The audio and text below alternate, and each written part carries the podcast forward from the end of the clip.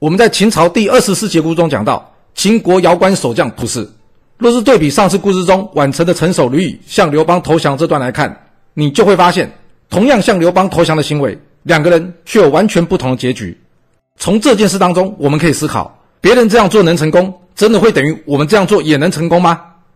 仔细检查一下两人的投降行为以及结果，其实你会发现，这过程以及所造成的影响并不一致。